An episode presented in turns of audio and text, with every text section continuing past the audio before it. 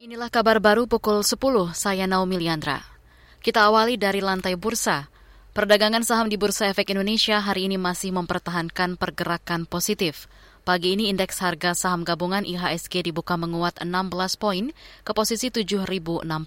Penguatan IHSG ini juga diikuti kelompok 45 saham unggulan atau indeks LQ45 yang naik 3 poin atau 0,31 persen ke posisi 1007. Sementara nilai tukar rupiah mengalami pelemahan tipis.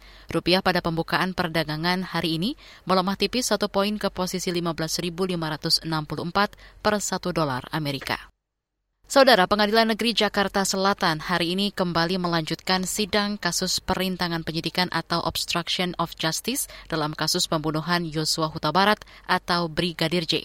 Sidang kali ini untuk terdakwa dua anggota polisi, yaitu Jenderal Bintang 1 Hendra Kurniawan dan perwira menengah Agus Nurpatria. Agenda siang hari ini mendengarkan keterangan saksi dari jaksa penuntut umum. Hendra dan Agus didakwa menghalang-halangi proses hukum dalam pengungkapan kasus pembunuhan berencana Brigadir J.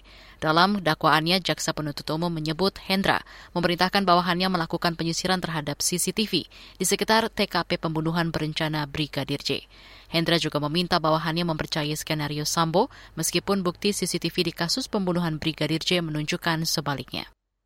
Beralih ke informasi kesehatan, Komisi Kesehatan DPR mendorong masyarakat khususnya pasien gagal ginjal mengajukan gugatan kelompok atau class action kepada pemerintah dan Badan Pengawas Obat dan Makanan BPOM.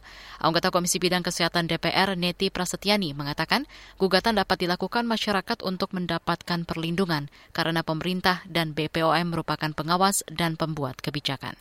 Masyarakat artinya sebagai warga negara eh, kita hidup di negara hukum, tentu saja sebagai wakil rakyat saya mendorong ya bahwa warga negara berhak untuk mendapatkan haknya ya, baik hak pengobatan, hak pelayanan, hak perlindungan dan bahkan hak berserikat, berkumpul, berpendapat dan bahkan kemudian juga mempertanyakan kebijakan uh, pemerintah serta uh, kelalaian atau kesengajaan yang hari ini dimungkinkan uh, ada begitu ya dalam dalam kasus ini. Anggota Komisi Kesehatan DPR Neti Prasetyani menambahkan DPR akan memanggil pemerintah dalam hal ini Kementerian Kesehatan untuk meminta penjelasan dan pertanggungjawaban.